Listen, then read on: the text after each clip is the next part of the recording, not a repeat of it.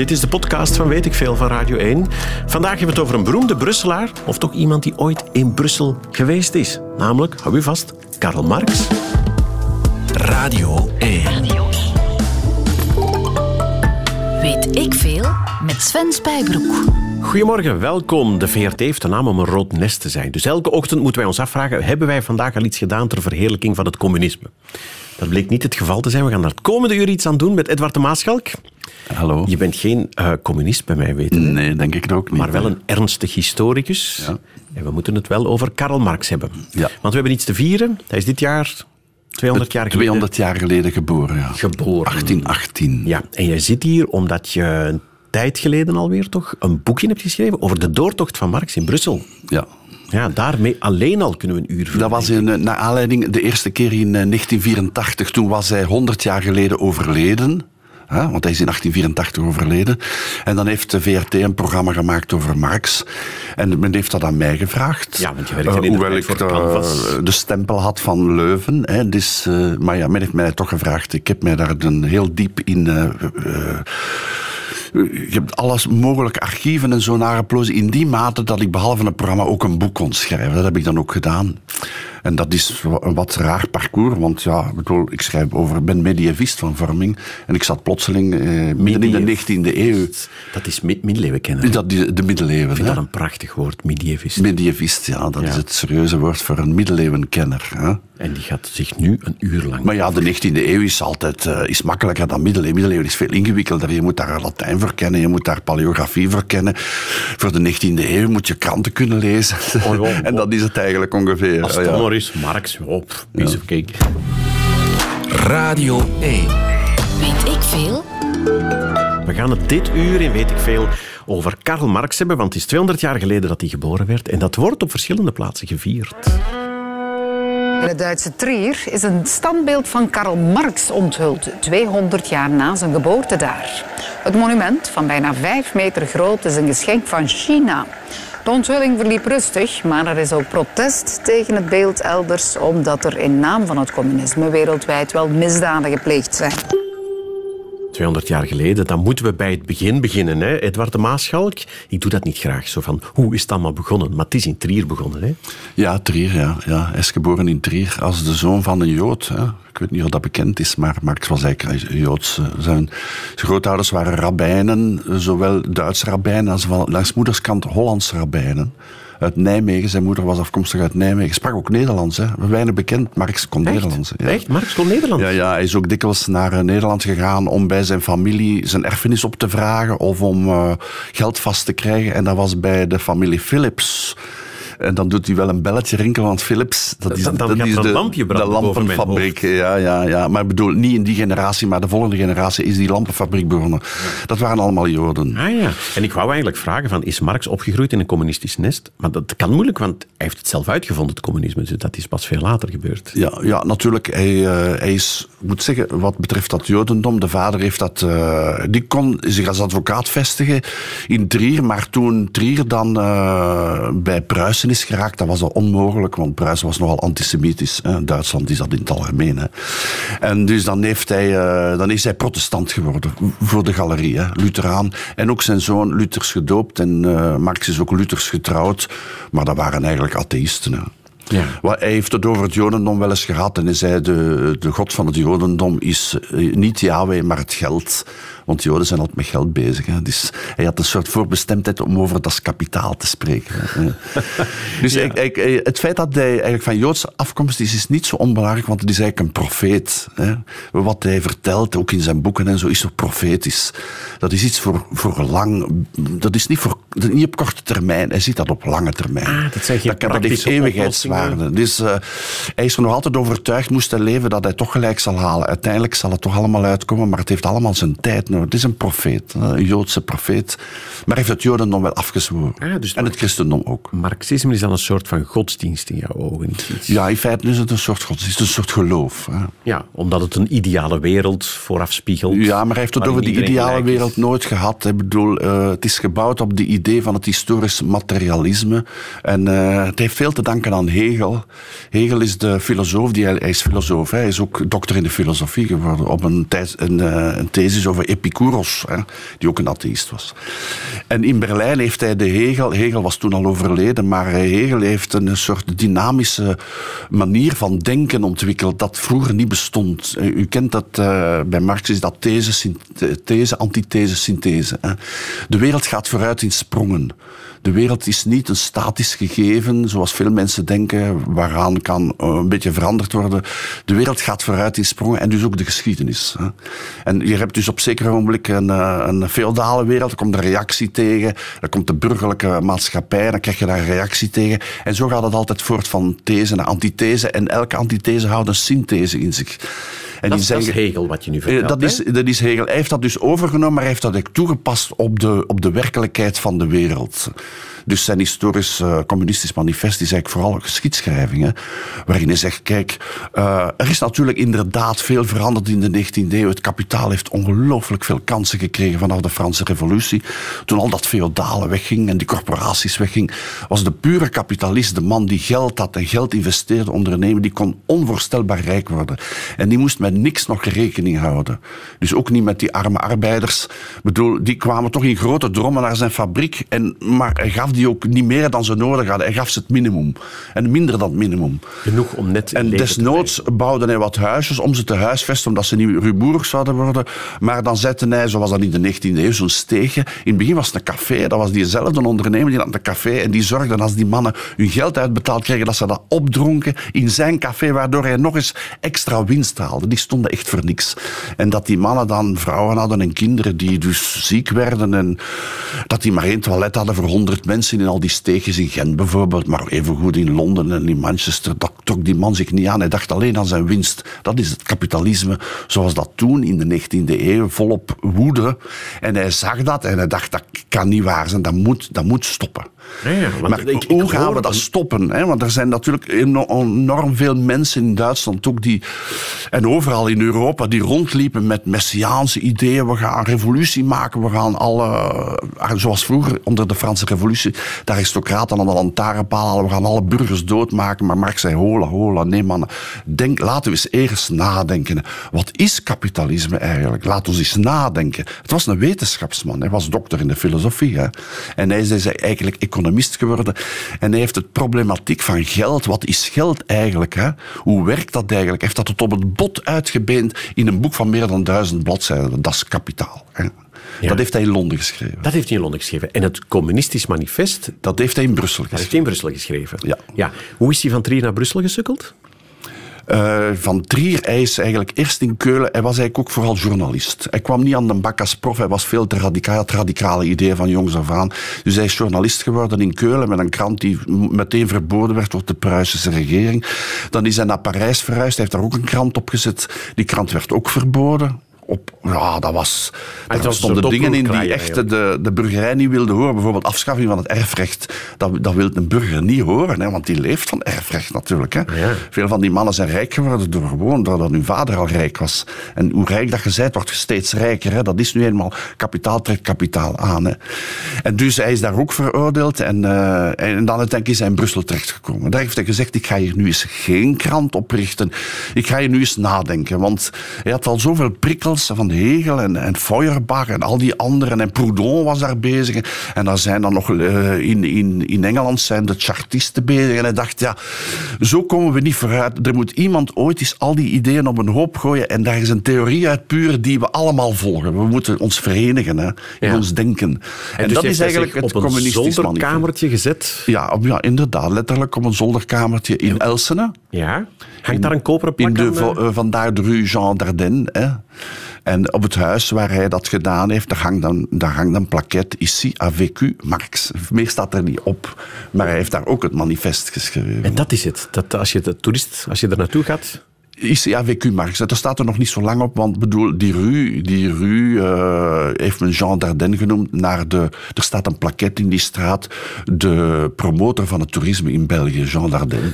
Terwijl Marx daar een communistisch manifest heeft geschreven in dezelfde straat. Dat is eigenlijk toch wel ongelooflijk. Vond ik altijd zo verbluffend. Uh, België is altijd zeer bescheiden in dat soort dingen. Nu, op de Grote Markt kunnen ze niet anders. De Zwaan, hè, de La Signe daar, hè, daar hangen dus heel wat plakettes op. Het café. Onder dat, ja, het café, ja, ja, dat chic café daar. Ja, ja.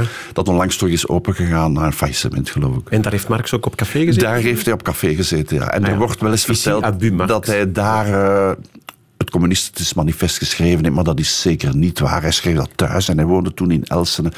Waarom? Omdat dat eigenlijk, ja, bedoel, die had een heel bureau vol papier van overal gekregen. Hij moest dat samenvatten en daar iets eh, ja, consistent van maken. Dat doe je niet in een café achter de hoek, hè, mijn gedachten. Weet ik veel? We hebben het over het eh, communistisch manifest van Karl Marx. Eh, toen hij in Brussel woonde, dat is verschenen in 1848. Hè? 1848, ja. Ik neem aan dat het is wat de titel zegt dat het is, namelijk dit is het communisme. Beroemde begin wo- verzen wou ik bijna zeggen. Mhm. Woorden ook, hè?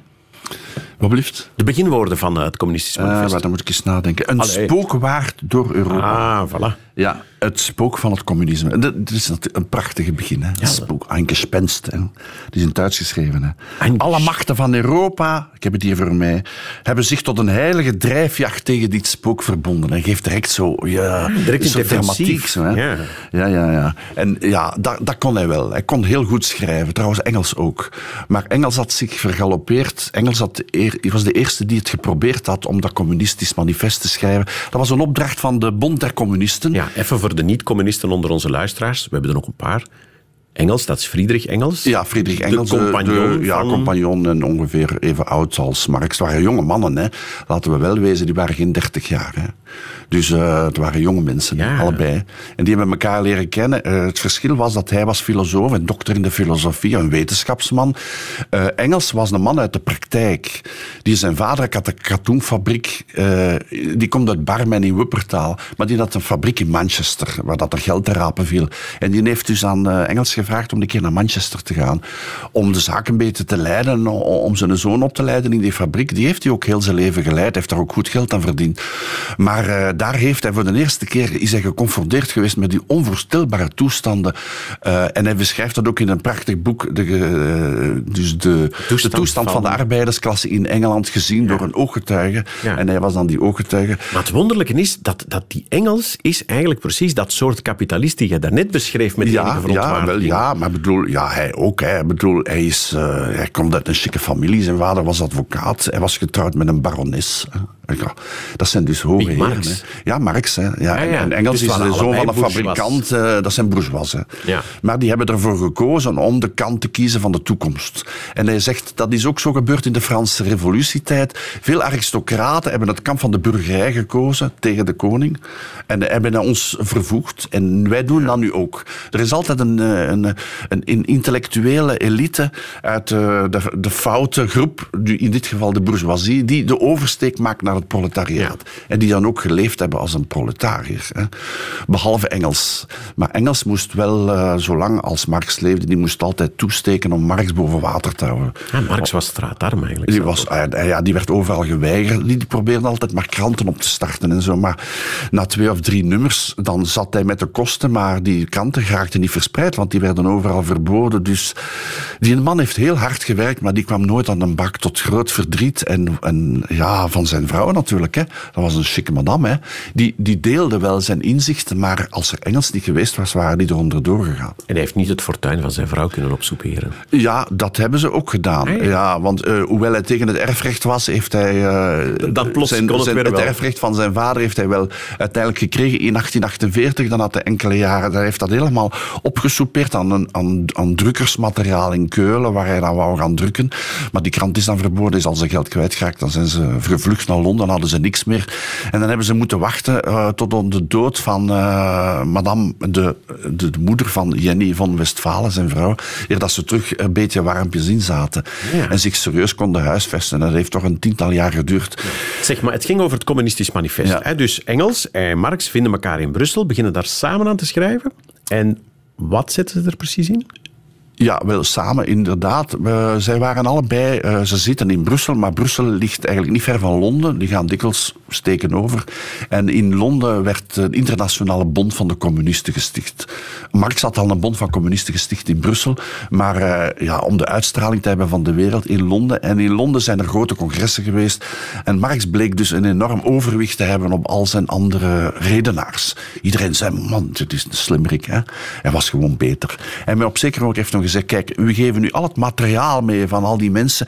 Neem dat mee naar huis en maak ons het manifest waar we dan allemaal zullen achterlopen. Hè. Ah ja, schrijf gezegd, op Oké, ik doe dat. Is. En heeft al die spullen meegenomen en heeft enkele weken gewerkt. En uh, Engels is de eerste begonnen om dat uh, in catechismusvorm te zetten. Dat is dan zo in de stijl van, ben je communist? Ja. Wat is, het, wat is een communist? Een communist is iemand die. Hè, maar op de duur waren die vragen zo lang en zo. Dat, dat was een, vast systeem in die tijd. Dat Marx zijn manneke. Engels, zo gaat dat niet. En Engels zei: als je het beter kunt, doe het dan zelf. Hè.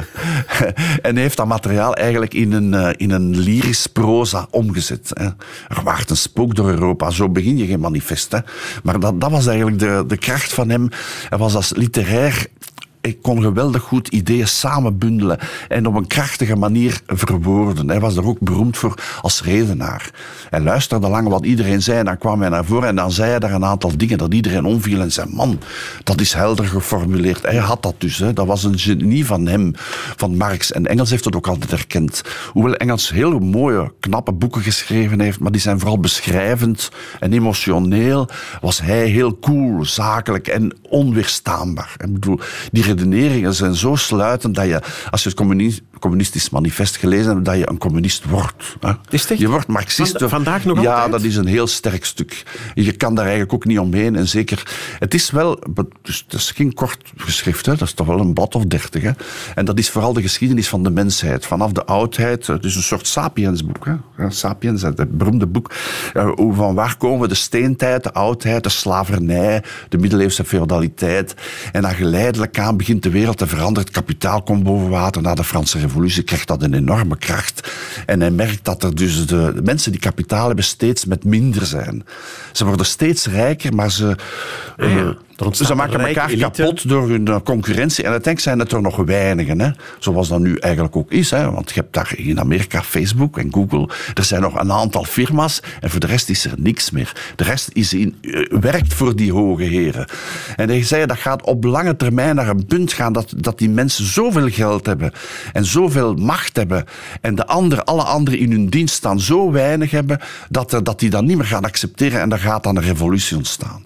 We moeten die niet forceren die komt vanzelf. Dat dus is, het is een voorspelling. Het is eigenlijk een beschrijving van alles wat geweest is om ertoe te komen, daar moet een revolutie van komen. Het is onontkoombaar. En volgens de idee van Hegel, these, bedoel, antithese, en dan na die revolutie van het proletariaat, van de kleine man, die zegt, zo kan zo niet ver, ik heb niks meer, ik zit hier in de armoede, en die hoge heren, die worden altijd maar rijker, dus die gaan ooit, zoals de Franse revolutie, die gaan ooit eens een keer problemen krijgen.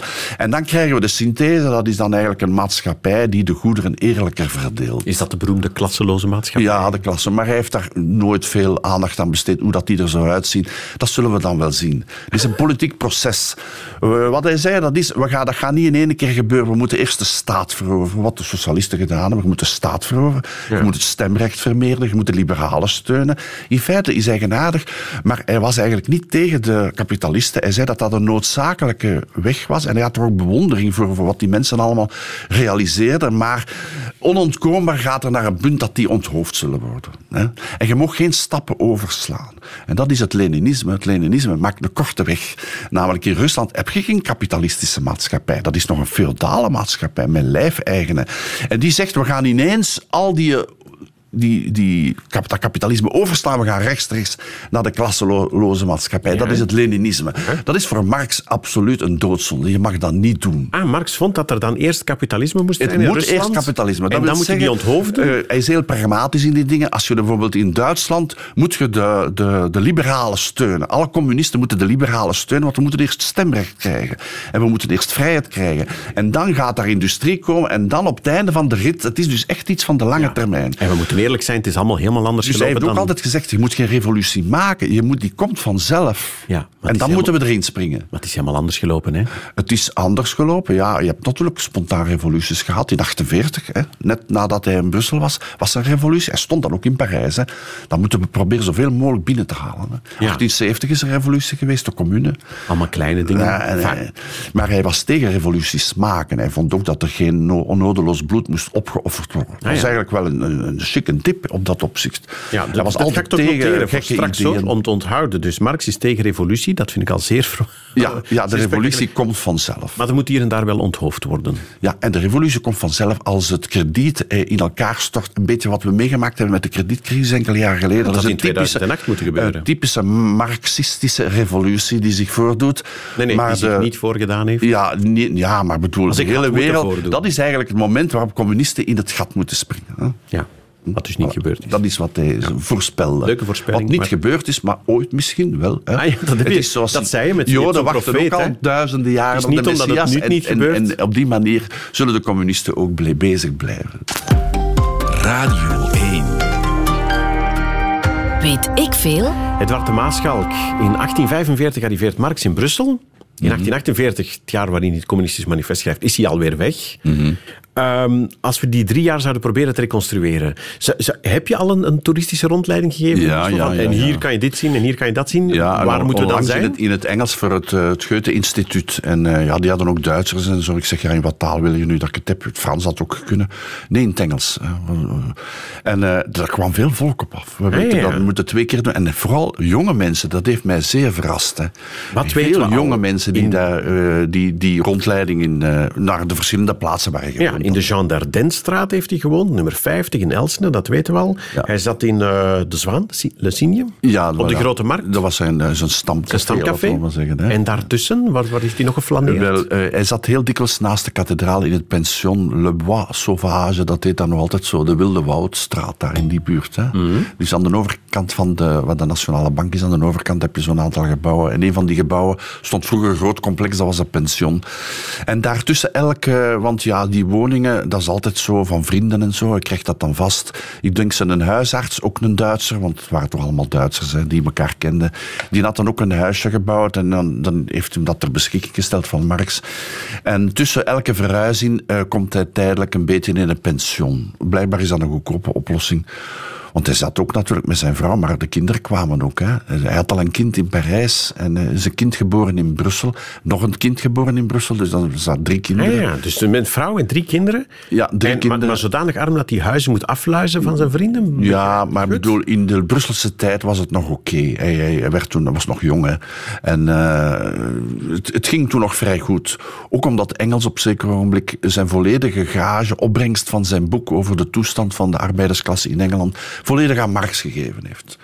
Dat is duizend frank, daar, kan, daar kun je dus een, eh, een jaar mee leven. Hè. Dus die, die mannen, en eh, dat had Marx wel, eens dat hij, was op, op die punt wel verwend, eens dat hij geld had, nodigde hij vrienden uit en maakte ze veel plezier. Het waren jonge gasten. Hè. Er werd veel gedronken, er werd veel plezier gemaakt en vooral veel dure sigaren. Hè. Ja, Was het eigenlijk een gezellige mens? Wat blijft? Was het een gezellige mens, Marx? Was het een Nee, goede nee, vriend? Nee, hij was, hij was, nee, hij was geen gezellig mens. Eh, Engels wel, dat is een charmeur en een womanizer. Hè. Die had altijd vrouw X en vrouw. Die maakte daar ook grappen over. Hij was niet gezellig. Hij was wel eh, heel trouw aan zijn vrouw, tot op zekere hoogte toch. Zijn vrouw adoreerde hem. Hè.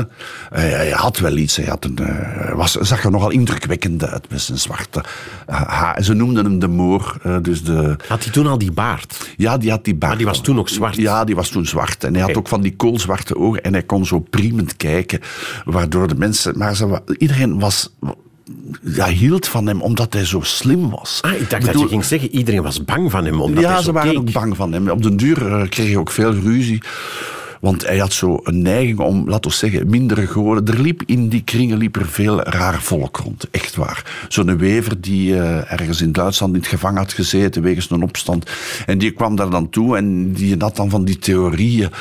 Dat je denkt, man, dat is echt niet van deze wereld. We gaan revolutie maken en we gaan onze messen wetten. En dan zijn we eigenlijk simpel, maar jong, eh, hoe gaan we dat doen? Wat zijn de voorwaarden? Wat is het doel waar je naartoe wilt? En die mens die zei dan, ja, dat zullen we dan wel zien. En zei, ja, maar dat gaat zo niet. Onwetendheid heeft nog nooit iemand geholpen. En eh, die mannen waren dan altijd kwaad. Die zeggen, geile, dikke nekken daar in Brussel. Filosofen. Hè, we kunnen nu niet hebben. Wij, hebben het, wij werken met echte mensen die, die emotioneel met ons verbonden zijn in de smart, die hun smarten delen. Maar dat zijn dikwijls mensen die hun half leven in de gevangenis doorbrengen. Hè. Ja, ja. Dus, uh, communisten hadden toen ruzie ook wel in de gevangenis gezeten, maar veel minder omdat hij zich eruit lulde. Hè. Dan is de, bijvoorbeeld in Keulen is hij twee keer in een proces gedaan. En die, die praatte zo goed dat die jury hem kwijtgescholden heeft. Gezegd, je bent vrij, dus die kon dat. Maar die anderen waren niet zo goed. En hij had er dan een soort van... Ja, hij had er een soort misprijzen. Hij zei, met zo'n mensen gaan we er niet komen. hè. En dus die waren dan kwaad op hem. Dus het was in die zin geen gezellige man. Maar hij was wel een goede papa. Ah ja. Dat zij heeft veel met de kinderen gespeeld. En hoe weten we dat? Toen hij in eh, Londen was, dan werd- kwam er regelmatig volk op bezoek. Dat waren allemaal vluchtelingen uit Duitsland. En ze, het huis stond altijd open. Hoe arm dat ze ook waren, het huis stond altijd open. Jannie maakte dan eten voor die. Daar waren veel spionnen bij. Dus valseriken, hè? Ah, die dus betaald waren door de Pruise regering om te zien hoe zit het ermee. En die verslagen weten we veel. Bijvoorbeeld ook dat hij veel met zijn kinderen speelde. Ah, dus die spionnen moesten hem in de gaten houden en die komen terug maken en die, die, staat... die schreven alles op wat ze speelt met zagen. zijn kinderen. Die- en die speelt veel met zijn kinderen, maar iemand merkte op, en dat vond ik heel, heel interessant. Hij speelt met zijn kinderen, hij speelt paardje, de kinderen zitten op zijn hoofd hè, en en hij loopt rond. Maar af en toe zondert hij zich af. Dat is dan iets wat een spion ziet. En hij heeft zo'n klein notitieboekje bij en daar schrijft hij iets op. En wat is dat eigenlijk? Dat zijn gewoon, die man zit in zijn hoofd met zijn geschriften. Hè? Altijd aan. Ik ken dat, want ik heb dat ook meegemaakt in mijn leven. Met joelende kinderen Ja, op je ja rug. met, met de kinderen en zo. Maar eigenlijk die, die film of die, die cinema van die boek, die gaat altijd verder. En ineens krijgt hij op een onbewaakt moment een geweldig idee of een geweldige manier hoe dat hij die ziet. En dan schrijft dat dan op. En dat hadden ze opgewerkt. Hij schrijft altijd iets op. Dat was, dat was heimelijk. Ja. Dus dat, dat, Wat is dat dan? Maar dat is gewoonweg omdat hij een, een inval kreeg. Omdat hij een zinswending wou brengen in zijn geschriften. En zo'n man was dat. Bedoel, die is bij u en die geamuseert u daarmee, maar die is nooit echt bij u. Iets wat mij dikwijls verweten werd voor Edward, je dat ook. Hè. Ik bedoel, je bent altijd bezig met uw boeken. Eigenlijk, zet er eens bij, maak u los. Je kunt dat niet. Hè. Dat is een machine die altijd loopt en hij had dat ook. Dit is een kenmerk van een wetenschapsman. Weet ik veel? Edward de Maaschalk, we hebben het over eh, Marx in Brussel gehad al. Maar ik wil het eigenlijk ook over Marx in Oostende hebben. Want ik heb een fragmentje gevonden uit Echo van 1963. De opkomst van het socialisme, dat is zo'n klein beetje hier te Oostende gebeurd. Dus als een typisch voorbeeld kan ik noemen dat in de vorige eeuw bijvoorbeeld de bekende Duitse economist Friedrich Engels in onze stad verbleef, wel in het jaar 1846. En uit die tijd eh, hebben we nog een eh, zeer interessante brief, namelijk waarin hij Karl zijn beste vriend, uitnodigt om hier bij hem een maand in Oostende door te brengen. En in deze brief geeft hij hele interessante gegevens over de toestand te Oostende, namelijk hoeveel het budget moet bedragen om in Oostende een maand door te brengen. Ook dat het bijvoorbeeld nodig is van sigaren mee te brengen, want dat de kwaliteit hier slecht was. Een 100 à 200 zegt hij, dus dat kan nogal tellen. Dus, eh, die, die mannen leefden eigenlijk goed. eh, Ik denk het al. Als voorbeeld daarvan kan ik nog eens die brief aanhalen waarin eh, Friedrich Engels niet beter op wint dan een paar schetsen te maken van baders. Want hij zegt ook nog in die brief dat het absoluut noodzakelijk was koffie te drinken op de zeedijk. Waarschijnlijk om naar de baders te zijn kijken. zo- Zo kunnen ze nog een tijdje doorgaan. Weer die sigaren, zeg. Ja, die sigaren, Ho- 100 ja. tot 200 sigaren had hij nodig per maand Ja, maar ook voor de vrienden en zo. Hè. Ja. om te kunnen tracteren. Ja, want slechte sigaren. Later had hij veel last van kortademigheid. En dat wordt gestoken op die slechte sigaren die hij dikwijls heeft moeten roken, omdat die ja, goedkoop waren. Hè. Dat waren rokers. Hè. Is hij in Oostende geweest? Ja, ja, ja, ja, hij is meerdere malen in Oostende geweest, maar dikwijls om de boot te nemen naar Londen. Hè. Ah, oké. Ja, dus, eh, maar eh, inderdaad, Engels heeft daar een tijd doorgebracht. Ja, die had geld altijd. Hè. En die heeft inderdaad die brief geschreven waarin hij zegt, een stek kost zoveel en zoveel. En hij zegt, ja, een maand is wel lang, hè, want hier gebeurt niks. Hè. Allee, ik bedoel, hier woont alleen chic volk. Je kunt hier een keer niet goed babbelen met mensen over de toestand van de arbeidersklasse. Hè. Dat is waar. Al flaneren. Maar hij had daar wel zijn madame bij. Hè. Engels had een, eh, ja, die had veel minaressen. Maar op zeker moment heeft hij toch ook een, een meisje uit zijn eigen fabriek, een Ierse textielarbeiders, Mary Burns. Daar heeft hij dan een vaste relatie mee begonnen. En dat is eigenlijk was zijn vrouw zonder dat hij ooit getrouwd was. En toen die overleden is, eh, dan heeft hij de zus genomen, Lydie Burns. Ja, ja, hij was die familie, ja, dat ding altijd rond hem. Iemand zou daar zo'n dat, gaf dus, dat gaf dus vuurwerk, want dat waren dus eh, een, een Ierse madame, je kunt je voorstellen, zo'n rosse. En die uit de fabriek, die is een heel vulgair madame, en die, die- hij bracht die dan mee. En dan, Mark stond daar met zijn barones. En die twee, dat vocht met elkaar. Hè. Hey, Zij, zij heeft altijd haar best gedaan om tolerant te zijn, maar eh, ze zei, hier gaat hij echt over de schreef. En hij, is dan toch wel, hij kent toch genoeg materiaalkennis om te weten dat dit er, eronder is. Hè. hoe, hoe zeg je catfight in het Duits? Ja, ja, wel, ja, zoiets. Ja. Zeg maar, eh, over catfight en zo gesproken, we moeten het nog over het, het, het einde, het vertrek van Marx in, eh, in Brussel hebben. Ja, dat is ook niet zonder slag of stoot gegaan. hè? Ja, dat is een beetje moeilijk. hè. Op zeker ogenblik werd hij uitgewezen omdat eh, men, men dacht dat de revolutie zou overslaan naar Brussel. En eh, al die heel gevaarlijke kerels werden dus tijdelijk uitgewezen. En hij had 24 uur om te vertrekken. Maar de politie was zodanig op zijn hoede en eigenlijk ook zo alert, een beetje erover, dat ze overal spoken zagen. En eh, ze hebben hem op zeker ogenblik echt wel aangehouden. En in, in de Amigo, dat is dus achter het stadhuis, in, in de gevangenis gezet. Maar daar begint het dan nog niet mee. Maar eh, Madame Marx is, is eh, in haar nachtjapon erachteraan gegaan om te zien waar dat een man was. Haar kinderen liet ze achter bij de meid. Had ook een, die hadden een inwonende meid. En eh, ja, de politie heeft, daar, heeft aan de politieman gesproken. Waar is mijn man? Die zegt, ja, die zal in de Amigo zitten. Ik zal u begeleiden. Maar eens dat hij daar in de Amigo was, dan vroegen ze, waar zijn uw papieren? En dan zei ze, ja, ik heb die niet. Ik, ik ben s'nachts. De politie is bij ons binnengevallen. En, en dan hebben ze gezegd, dan gaan we u opsluiten. Oké, die werd dan opgesloten. Ja, waar sluiten de vrouwen op? In een lokaal waar alle prostituees bijeen zaten. Dus, dus heeft de nacht moeten doorbrengen met prostituees. Nu, dat is iets wat voor de de mensen van die tijd konden echt niet. Hè. Een barones. Je moet weten dat haar broer minister van Binnenlandse Zaken was in Pruisen. Allee, dat was echt een chique madame. Ja. Die opsluiten met prostituees, dat kon echt niet. En ik moest er dikwijls aan denken dat door de ironie van het lot, door het marxisme en het socialisme, is eigenlijk dat verschil tussen de ogen en de lagerstanden dermate verminderd dat we daar nu eigenlijk veel minder gevoelig voor zijn. Maar toen kon dat echt niet. En men heeft dat echt als wapen gebruikt om tot in het parlement te zeggen, dat kon toch niet, hoe is dat nu mogelijk? Waarop uiteindelijk de eerste minister Rogier heeft gezegd, ja oké, oké, eh, dat had niet mogen gebeuren, maar alleen, bedoel, Marx was al van plan weg te gaan, hij is naar Parijs gegaan, laten we de bladzijden omslaan. Maar, wacht, dus meneer Marx is voor de klasseloze maatschappij, Ja. maar als mevrouw Marx samen met andere vrouwen wordt opgesloten waar ze op neerkijkt, Ja, dan is het voilà, te klein. Ja, dan is het te klein. Ja. En ook Engels en zo, dat kon echt niet. Maar ze, ze- ja, ze moesten natuurlijk een middel vinden om, om, om, om dat aan te klagen. Dat kon dus niet. Hè. En ik, je moet er eigenlijk mee glimlachen als je dat ziet. Wat een gedoe dat dat is. Allemaal niet omdat hij werd aangehouden. De volgende dag is hij ook vertrokken, maar omdat madame werd aangehouden, dat kon dus niet. Hè. Alleen bedoel, een madame van stand aanhouden. En ze hebben dat dikwijls uitgespeeld. Hè. Madame Marx, Jenny Marx, die eigenlijk ook wel eh, de ideeën deelde van haar man, die noemde ze, had altijd een kaartje bij barones de Westfalen. Hè. En die- en die had ook, die had ook altijd, die, die kleedde zich altijd heel goed op om indruk te maken, om haar man een soort intro te bezorgen in moeilijke omstandigheden. Ik weet dat ze ook veel zilver had, eh, aristocratisch zilver, dat sleepte ze mee. Dat ging altijd naar het pandjeshuis. En in Londen is Marx met dat zilver en ik in dat pandjeshuis gegaan, want ze hadden geld nodig, want nu, hun kind was ziek en ze zochten een dokter en, en konden die niet betalen. En die man heeft de politie verwittigd. Die zei, er staat hier zo'n rare, verwaarloosde kerel en die heeft familiezilver van een aristocraat. zou wel een dief zijn. Dat is een dief. En dan hebben ze maar dan Marx moeten gaan halen om te zeggen, ja, maar dat is van mij. En dan zeiden die mannen natuurlijk, je kunt niet voorstellen, hoe is dat nu mogelijk, madame, dat jij met zo iemand getrouwd bent? En dat is Ja. zo de hele drama in één eh, mensenleven. Maar ik moet zeggen, uiteindelijk, ze heeft altijd in hem geloofd. Ze wist dat hij een groot man, ze wist dat hij de wereld zou verzetten. En vlak voor het einde is er dan een artikel geschreven. Toen was dat Kapitaal en hij had ook de Internationaal gesticht.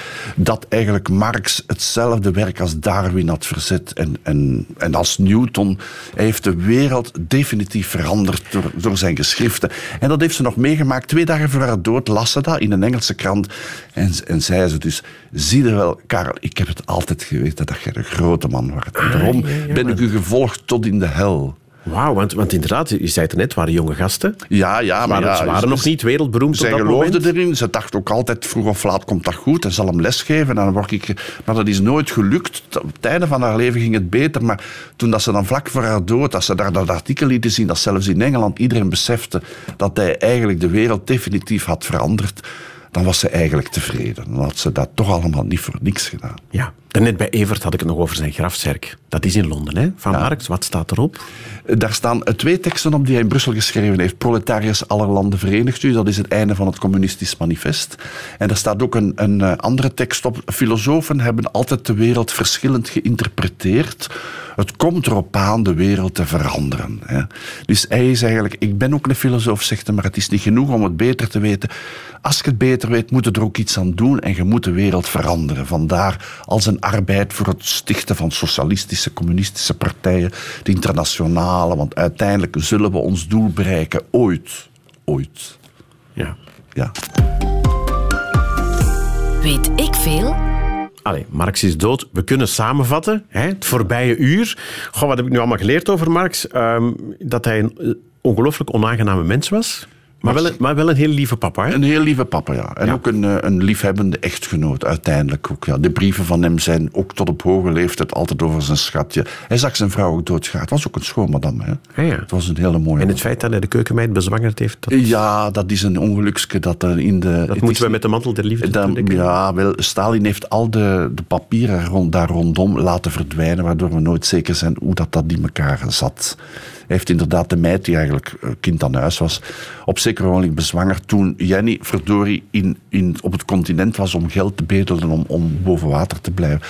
Ja. Dat was echt niet netjes. Maar eh, Engels heeft dat opgelost, zoals hij altijd oploste. Die zei, ik zal ik zeggen dat ik de paap ben. En dan is de zaak geklonken. En Ah ja, heeft- dat is en heeft het vaderschap op zich genomen. Ja. Maar niet officieel, maar allee, ja, bedoel, ja, zo. En Edward- ik denk dat Jenny dat ook nooit geweten heeft.